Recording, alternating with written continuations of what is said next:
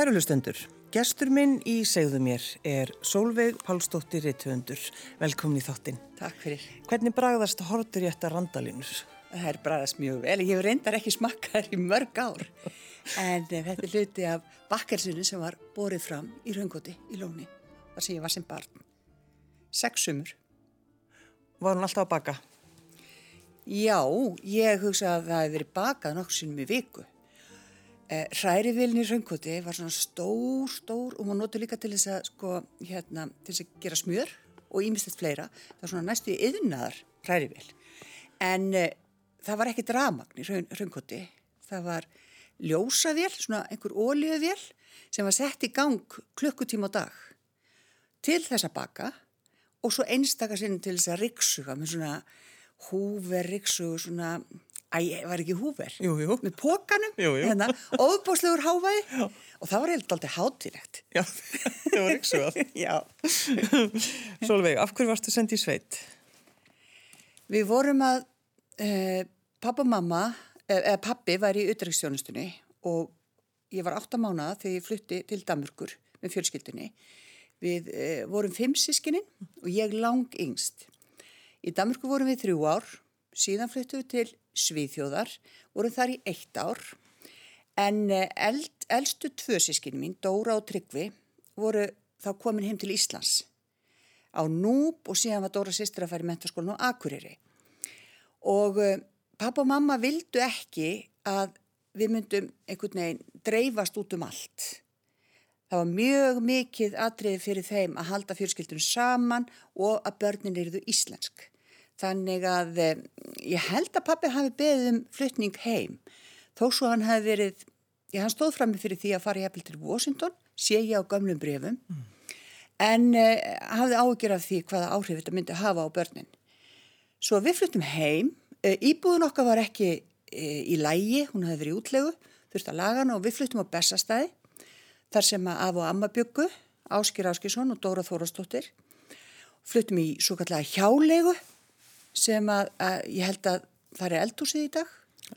Var það, það bara pínlítil íbúðið það? En já, ekki svo lítil í endurminningunni, en, en ég var náttúrulega lítil. Og uh, svo er það sem er eftir að ég er send í, í raunkott. Uh, öll sískinni mín höfðu verið þar og mamma fórðangað, 16 ára gömul. Og ég veit ekki af hverju hún var sendt þangað eða fór þangað, hún var í tvö sumur alveg flög með sko svona vél sem lent út á sjó og uh, síðan með á hestbæki inn nesjar og upp snar bratt almannaskarðið. Núna eru göngarnundir og upp í lón. En ég veit ekki af hverju hún var sendið í lónið því að, að Afi var þingmaður svo lengi fyrir uh, vestur Ísafjörðarsíslu og hafði mjög sterk tengsli vestur. En einhverja hluta vegna þá var mamma sendið í lónið. Mm og uh, það er bara þannig að, að maður hefur stundum ekki vita á því að spyrja meðan tímið til. Og nú er mamma dáin, hún dó 96 og þetta er eitt af því sem ég hef viljað spyrja hana um. En það myndust mjög sterk bönd á milli hennar og fólksins í raunkoti og þegar hún byrjaði sjálfa eiga börn þá fórum við hvert á öðru. Og vorum þetta ja, flest, ja, hertið sýsti mín var stist, hún var bara í eitt sumar en við vorum þetta fimm og sex sömur. En ég minna, Solveig, þú varst sex ára, eða fimm, fimm, fimm ára? ára ég fór á sjötta ári. Myndur þú senda börnið þín fimm ára í sveit? Ekki glæta. En barnabörnin? Ekki glæta. Ég sé bara glæta spætan, sko. Nei, ég eiginlega skilit ekki. Eh, gæti verið nokkru ástæður. Til dæmis það að eh, það var engin leikskóli það var ekki, ekki batnaheimili fyrir gift fólk sko. þannig að einhver tíman þurftu konunar að fá frí. Og ég segi bara konunar þannig að þær hérna, báru þetta á aukslunum þær sáum börnin. Þær sáum börnin. Og uh, þetta var náttúrulega stanslus vinna. Mm. og mörg börni börn á hverju heimili. Þannig að kannski var þetta leið til að fá svolítið frí. En líka þóttu þetta bara holdt það var holdt að fara í sveitina það eimdi enn eftir að þessari hugsun að það væri ekki holdt að vera á mölinni. Nei, nei. ég er nú eiginlega sammálaði. en Solveig, þegar maður fer fimm ára Já. frá pappa sínum og mömmu mm. og hittir bara okkunnut fólk, mm -hmm. hvað varstu lengi að svona ná áttum þar? Ég held ég hafi verið tilturlega fljót. Uh, ég var náttúrulega sendt heim að utan uh, með barnabíu, fyrst upp á Akranis uh, með henni til og bjóð þar hjá pappa hennar og mömmu í, í ég veit ekki hvað, kannski viku og halva mánuð eða eitthvað sluðis og síðan fór ég á bestastæði og svo leið þarna einhver smá tíma og, og, og ég fór í raungkott. Ég mann það ekki svo gjörla en auðvitað var ég lítil í mér. En fólki í raunkotti var svo gott og einhvern veginn ég fann til svo mikils öryggis strax. Þau höfðu einstakt lag á börnum ég, og það er einmitt nokkuð sem ég vildi koma á framfæri með þessari bók. Hvernig þau umgengust börn af virðingu. Nokkuð sem við erum ennþá að læra í dag. Virðingu fyrir sálinni. Það var aldrei talað niður til barna, aldrei nokkur tíman. Og annað sem gerði það verkum að e, það var auðvelt aðlagast var að þú fekk strax að vera þáttakandi í, ég segi frá því þarna í einna fyrstu köplónum e, þegar ég fæ strax hlutverk sko að, að ferja brunn bara mér er réttur lítill stein þannig að mitt hlutverk er að bæta þessum steini á og ég með mínum 5-6 ára höndum ber ábyrð á því að ferja brunnin og síðan að halda undir mjölkubrúsan eða rjómabrúsan þannig að þú fegst strax að taka þátt og þetta er eitt af því sem ég tel mikið vegt að koma á framfæri í dag því að ég er kannski að koma á framfæri, framfæri ákveðum lífsskildum að hafa hlutverk. Og ég hugsaði þetta aldrei um það með ég var að skrifa að í dag þá erum við aldrei búin að svifta börn og úlinga því að fá að taka þátt og hafa hlutverki að gegna, að þú skiptir máli. Eh, það eru svo margir sem þjást að kvíða og, og einhvern veginn eh, deburð og tilgangsleysi. En, en eh, ég fann aldrei fyrir því því að ég hafði strax hlutverki að gegna. Og, og það skipti máli að ég rakaði einhvern blett en mér var aldrei e, þraungvað til þess, skilur þau en ég vildi taka þátt og fylgist metnaði að, að veist, vera dugleg og, og, og fá að fylgja bondanum og skafta og, og taka þátt í verkonum en aldrei var mér þraungvað til að gera neitt. En Sólvei, af hverju fórstu að hugsa um þennan tíma allt í einu? Eh, þú átt nú örlittlega sög á því. Já, fyrir kjæðu Því að þú, þú baðst mig um að koma í gestabóðinsinni og, og tala um minninga mínar frá bestastöðum og, og ég tók því fjarrri þegar þú hafði samband og segi bara hvað, ég minna, Afi var hvað, ég var eitthvað svona nýjára þegar Afi hætti sem fórseti átta nýjára og hvað mann ég? En þú gafst þið ekki og þá fór ég að opna og kafa og, og, og leifa minningum að streyma fram. Og þannig að þegar ég fór að hugsa um þessa tíma þá komu líka aðrar minningar. Svo geymdi ég þetta bara með mér svo kom COVID. Og ég var byrjuð að skrifa mína sjöttu glæpasugu aðeins komin af stað. Og í þessu skrítna ástandi þannig vor þá einhvern veginn misti ég lönguna til að halda áfram. Ég fannst þetta einhvern veginn að hálfa absúrt að vera að kokka upp einhverja flókna glæpafléttu þegar heimurinn væri gerðsamlega á kvolvi og maður starði á sjónvarpi fyllist með fréttum og flugvellir að lokast allstaðar og heimurinn bóstaflega að breyta svo að hann er aldrei eins. Þannig að þú fannst bara einhverju bara tilgangsleysi og þetta væri bara fáránlegt. Já, það verð bara eiginlega þannig. Það var bara eiginlega þannig. Ekki það, við erum mjög gaman að skrifa, skrifa glæpasugur og ég e- vonandi eftir að gera það aftur. En hérna, einhvern veginn, ég bara, mér var svona verkfall. Þannig að ég svo bara kom þetta og, og þessar minningar fór að streyma fram og, og ég bara fyldi fyrir tilfinningu og hún þraungvaði sér bara fram þessi saga. En sko hún er, hún er persónuleg svolveg og það hefði náttúrulega verið miklu öðvöldara fyrir því bara mitt að halda þið við glæpasöguna.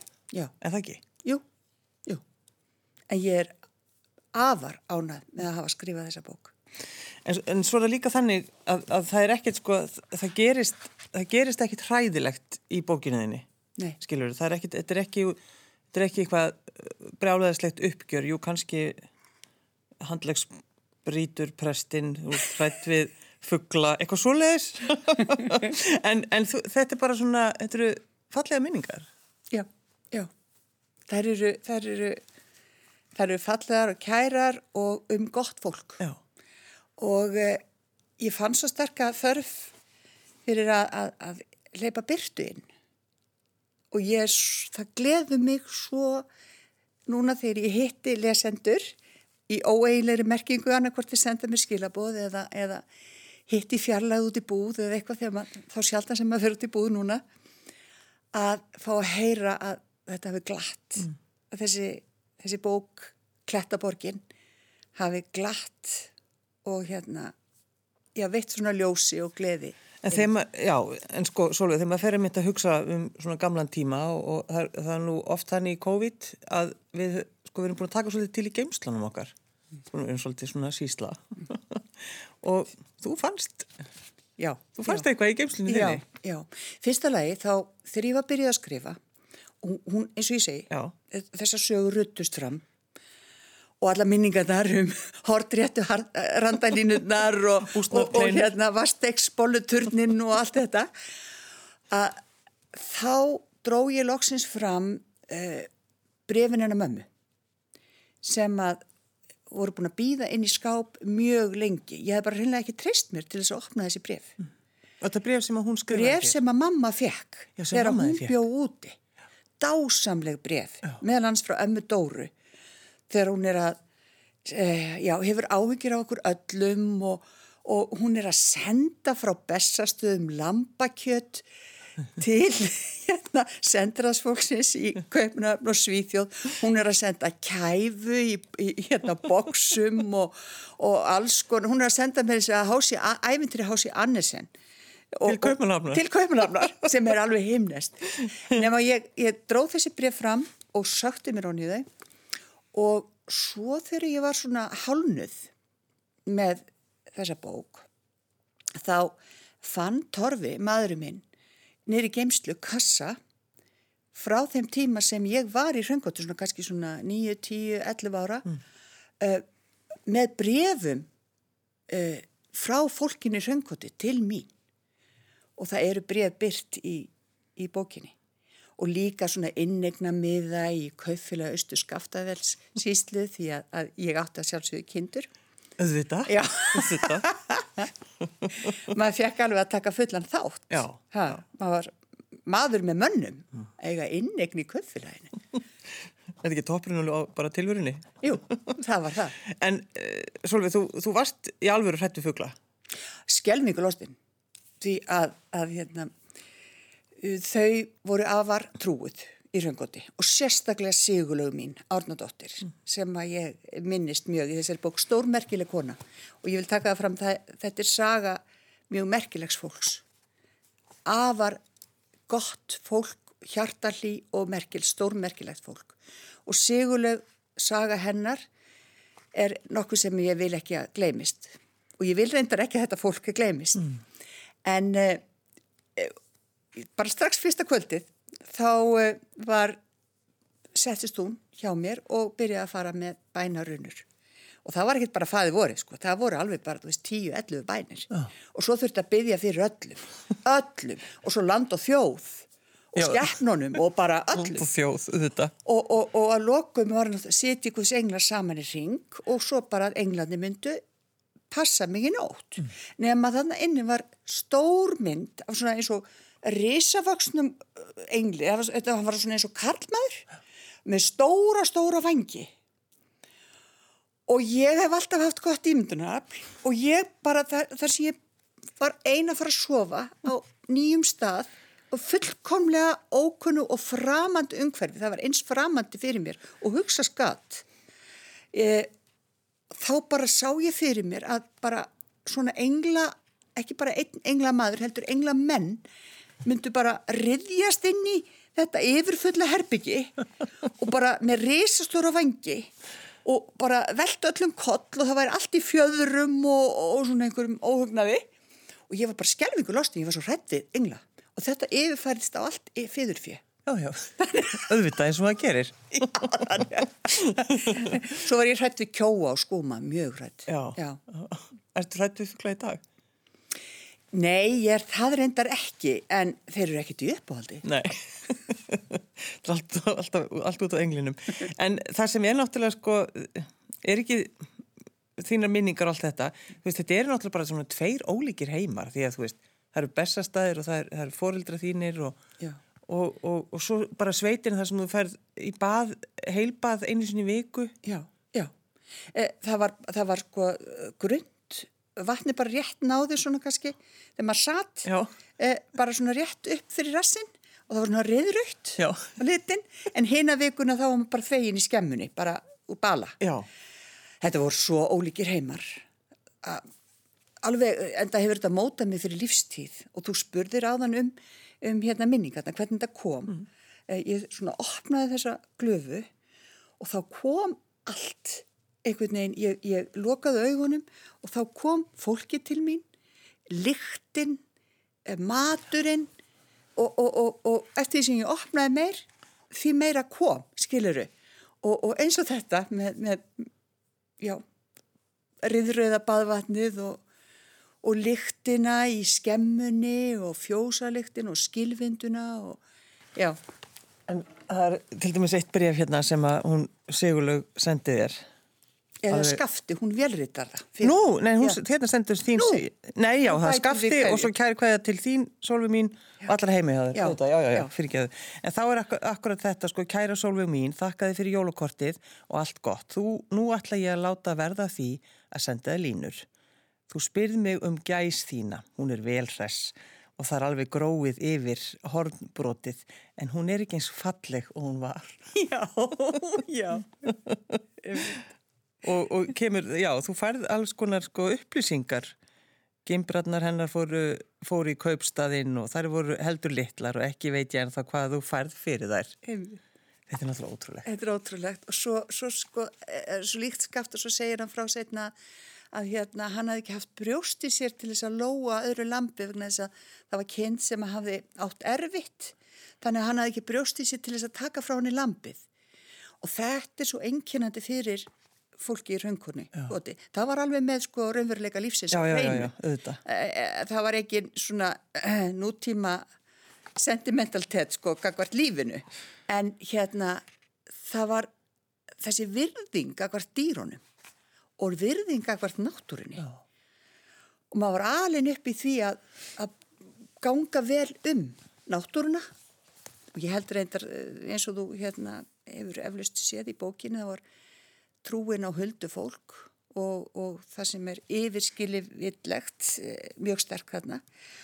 Og nú þrætti maður klettana fram og tilbaka mm. en alltaf sömu leiðir til þess að skemma ekki Það tröfla ekki Já, það tröfla ekki huldufólki en auðvitað til þess að skemma ekki mósan í raun og veru. Nei, þetta var út á huldufólkinu. Já. Og þessi virðinga hvert öllu Já. lífi Sko finnur, já, finnur það svolveg akkurat þessar sko, hvað er mikilvægt að það eru sterkar konur í lífiðinu? Já, já. Þarna, eh, ég minnist nokkura, þarna, mjög sterkar fyrirmyndir og ekki veitti af á þessum tíma. Ég er fætt 1959, þetta er ekkit ræðilega langt, en, en að eiga sér sterkar fyrirmyndir eins og ég átti þarna í eh, formóðu minni Solveigu Pálsdóttur sem var amma af míns áskis mm. og hann sæði mér mikið frá. Hún var önnur lærða ljósmóðurinn á Íslandi og uh, hún var sem sagt dóttir Guðruna Jónsdóttur sem var yfirsettu kona í Vestmanniðum og Páls skálda sem kallaður var sem að, já, þótti að hafa svona, já, hann var mikið skáld og svona kraftaskáld jafnveg göldróttur. Nefnum hún var alveg upp við það að fylgja móðu sinni og það gekk svo vel hjá henni að það var hafinn hann að söpnum til að koma inn í ljósmörunám. En það gekk ekki þraut að laust því að hún eina kröfum, kröfunum til þess að intöku skilurðum til að komast í konunglega ljósmæraskólinni í Kaupmannöfn var að vera gift og hafa eignast barn. Mm. Og hún uppfyldi ekki þetta skilirði og ég segi skilirði, ekki, ekki tvö skilirði, en þetta er náttúrulega helst í hendur. og var að hafa eignast barn sjálf. En eftir mörg bref og, og, og endalösa, uh, endalösa bónleðir uh, fekk hún leiði og fór út og lærði sín ljósmóðu fræði, kemur síðan heim uh, til að taka við starfi ljósmóður í Vestmanniðum og er þá við hlið læknisins hétt slæsingar og það hefði verið sendur til eiga til fyrst og fremst að vinna bug á gynklofanum. Mm. En 7-8 af hverjum fættum börnum í eigum, af hverjum 10, 7-8 af hverjum 10, dóu á fyrstu vikum vegna gynklofa. Já. Og það var mikil fátakt í eigum, mjög mikil. Uh, og þar að leiðandi voru líka óhreinindi það var, það var lítið vitað um hvernig inn í.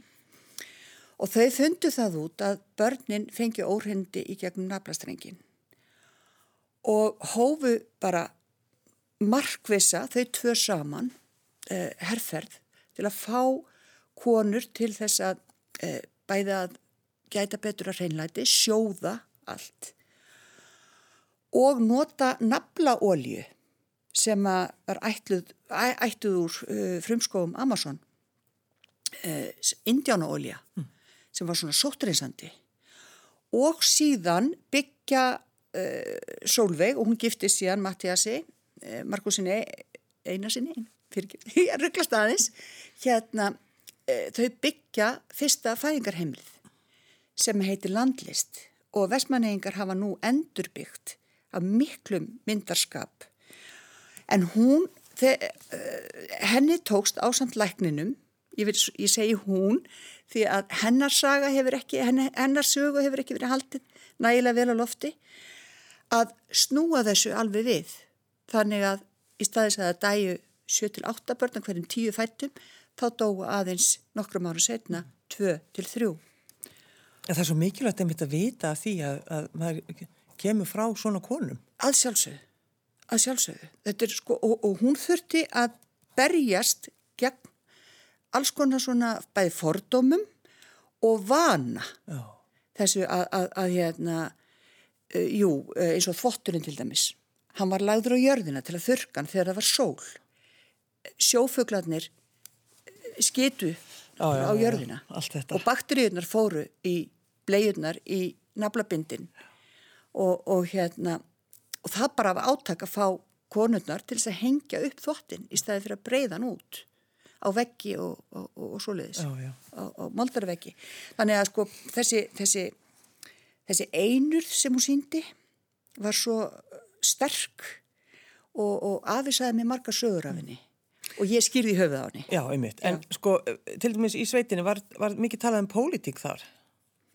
Nei, ég minnist þess ekki en það voru tvö blöð keift og það var tíminn og morgunblæði. Já, já, já, akkurat. Og það sagði sitt, en, en það ég man ekki eftir að hafa verið talað. En það er kannski, eh, Solveig, að, sko pólitíkir, þú, þú nefn talar aðeins um það í mm -hmm. bókinniðinni akkurat, þetta sko, já, hvernig fólk er stimplað mm. og, og, þú vart svolítið stimpluð, ekki? Jú, ég var algjörlega, það bara Eh, ég uppliða strax sem barn, það var náttúrulega forvitni um hverja manna ég væri. Þetta var, á þessum tíma var fjölskylda mín ábyrrandi mm -hmm. í samfélaginu, í báðarættir. Uh, föður afið minn var Tryggvi Ófegsson, útgerðamæður og, og föður amma var uh, Herdís Áskistóttir sem var mjög öflug í, í félagsmálum. Þannig að, og svo var það Afi Ásker og, og Amma Dóra sem að lésnú reyndar þegar ég var fimm ár gömul og svo var Gunnar Tórótsen eh, og móðursýsti mín Vala, mhm. -huh. Áskistóttir Tórótsen þetta var allt ábrendi fólk og, og, og fleiri í fjölskyldunni og bæði var verið að spyrja mann oft óþægilega spurningar svolítið að nýsast já, já. og það var mjög óþægileg upplifun. Mm. Þannig að, að hérna, ég forðaðist að tala um hverja manna ég væri. Já, þú gerði það? Já, já, já, já, og bara eiginlega bara fram á síðustu ár hef ég forðast það og, og bara reyna að láta lítið fyrir minni fjölskyldi fara. En það er áttalega samt fárunlegt að gera það? Nei, sko, það var svo stutt í það að maður verið stimplar þá mónt og það var alveg það versta sem ég gæti hugsað mér. Já, þannig að í rauninu þá lokaði ég á svona bara heilbrygt og eðlegt stolt uh, bara en það full, full ástæða til að vera stolt af mínu fólki en, en hérna ég hef í rauninu þurft að æfa mitt aldrei í því en er alltaf á Varbergi Já. svo var líka mjög mikið svona stimplun á sko manni politist, það var eins og þegar ég varð eldri og ég segi nú aðeins frá því í bókinni og, og, og fer að nálgast það að fara í leiklistskólan og í leiklistskólan það voru óbúslega skýrar pólitíska línur.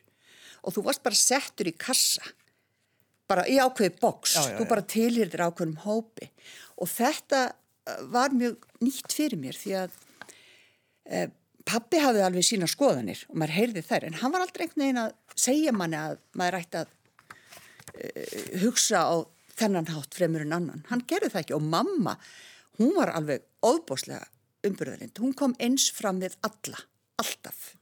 Og Afi Áskir var þenni líka og Amadora held ég og hún náttúrulega, ég ólst ekki upp með henni. En, en hérna, mamma, hún horfi bara á hvort að fólk væri almennilega manneskur. Það var eina sem skipti máli.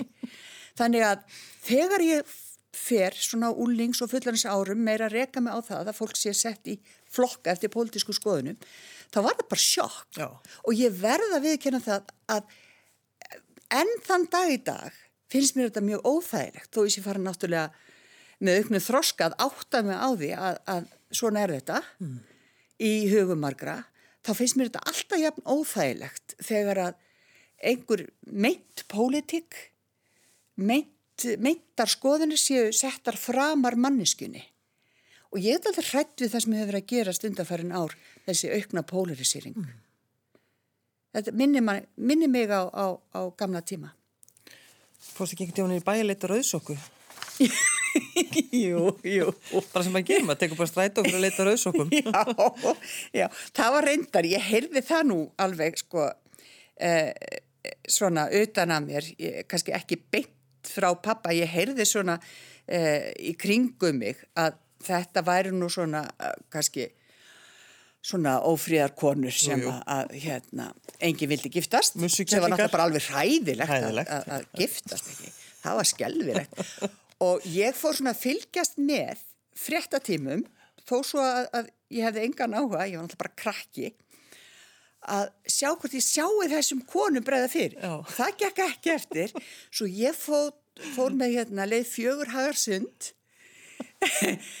frá æsíðu og niður á lækjatorg að leita konum, ófríðum konum í rauðum sokum og, og hérna, og ég sá þar ekki og svo þurfti ég náttúrulega bara að drífa mig heim að ég hafði bara þrjú kvartir að því að skiptið mig myndi annars renna út já, já, já, og á þessum þrejum kvartum þá sá ég einhvers likar, nei. nei.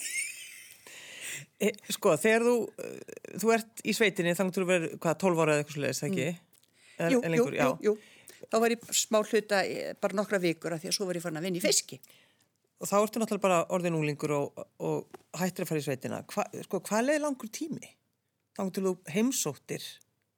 sveitina þína aftur? Það leiði nokkur ár. Já. Uh, því að á þessum tíma var ekki enn búið að brúa. Það, maður þurfti að fara alveg norðuleiðina þetta var svo langt mm. að keira eða þá að fljúa. Ég flög náttúrulega alltaf í sveitina. En eh, ég, ma maður var bara í sínu. Já, já. Já, svo þegar ég fór aftur þá var gott að koma og eh, ég fór alltaf annars slægið eftir það og nokkru sinu með mína fjölskyldi eftir að börnin fættust. Mm. Og svo uh, var ég að sjálfsögðu í símasambandi og símasambandi til dæmis við Sigurlegu sem að lest árið 2002, orðin háöldruð, búin að læra tölvu. Hún læriði á tölvu rétt fyrir nýrætt og hún taldi internetið vera merkustu uppfinningu uh, 2000. aldarinnar og hún taldi að merkasta uppfinning þessara aldar sem við erum komin inn á núna, en það myndi ekki gerast fyrir setni hluti aldarinnar, er því það að skilin á milli heimana, þau trúðu að sjálfsögðu, þau voru spiritistar, þau trúðu að sjálfsögðu á framhaldslíf og Guðlaug mín, hún var skegn, að, að það er því róf þarna á milli, að við kæmust í samband við, það er því samband á milli heimana og það er því merkasta upp götun þessara aldar sem við lifum núna. En, og alveg samfærð. Alveg samfærð og það myndi gerast á setni hluta þessara aldar og ég mun því líklega ekki lifa það. En hún vissi sínu viti og hver veit? Hver veit? Hver veit?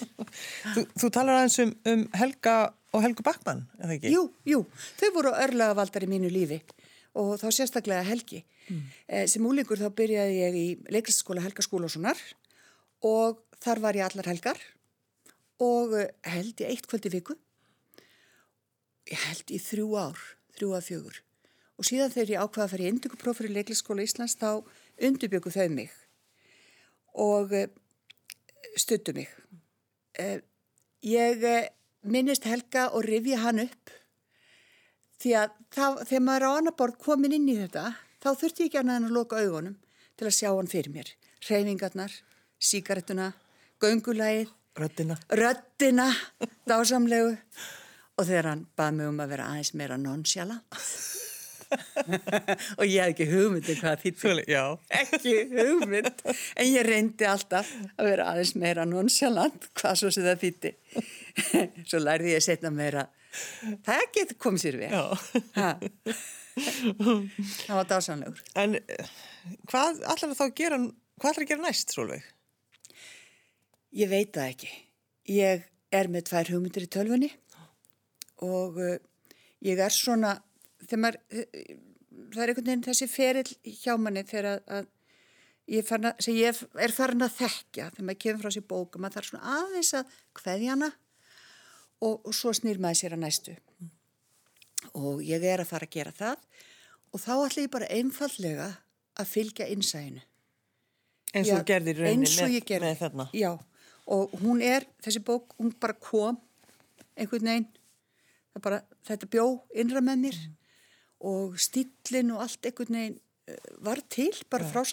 er svolítið skemmtilegt, ég var, var aðeins að, að, að rósaður hérna áður við settust hér inn að þú erum svo skemmtilega fyrirsagnar eins og hafa verið að vinna hjá síð og heyrt í galvandaga Svolítið, svolítið gaman Takk fyrir það Þú er vandaði svolítið Já. við það Já. Kærleikur sand, sandar og fjöll og þetta er svona Já, svolítið skemmtilegt. Eirnapína? Já, akkurat.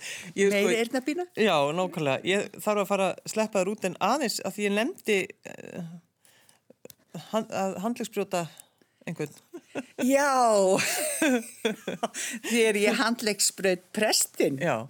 Um, það var þannig að, að Sigurlaug mín í Röngkoti, hún var organisti í Staðafellskirkju og sáum að þjálfa kórin og uh, svo átti biskupin, herra Sigurbjörn Einarsson að koma að vísit þeirra og það hóst mikill undirbúningur og það þurfti að fjölga í kirkukortum þannig að ég var kölluð inn á sólríkusumri til þess að æfa með kirkukortnum og ég þurfti að vera þarna inn í lofttungri stofu með svona blómateppi, þykku og, og blómu fyrir öllum glukkum að syngja með kirkjukortnum og það var daldið erfitt. Ég held ég að vera svona 10-11 ára. Já. En það var líka erfitt út af því að ég var nýjörðin mjög skotin í strák sem var með mér í bekk í melaskóla.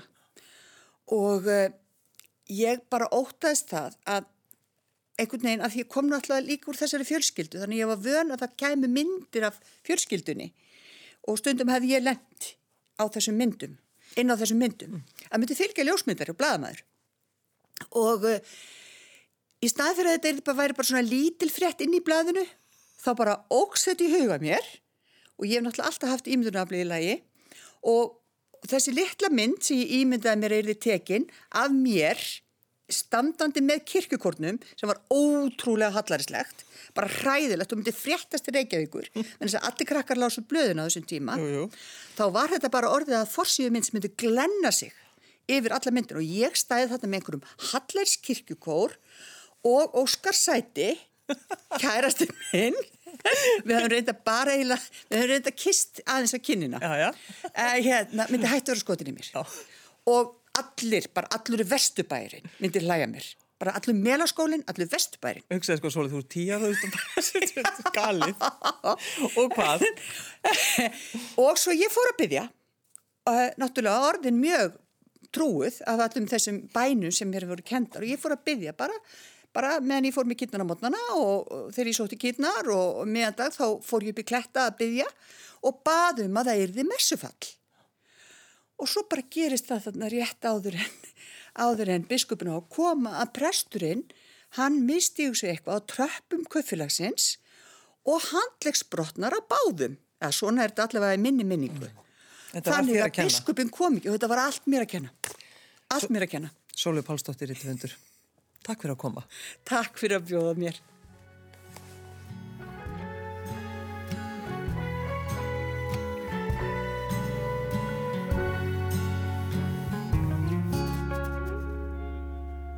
Það er andvöku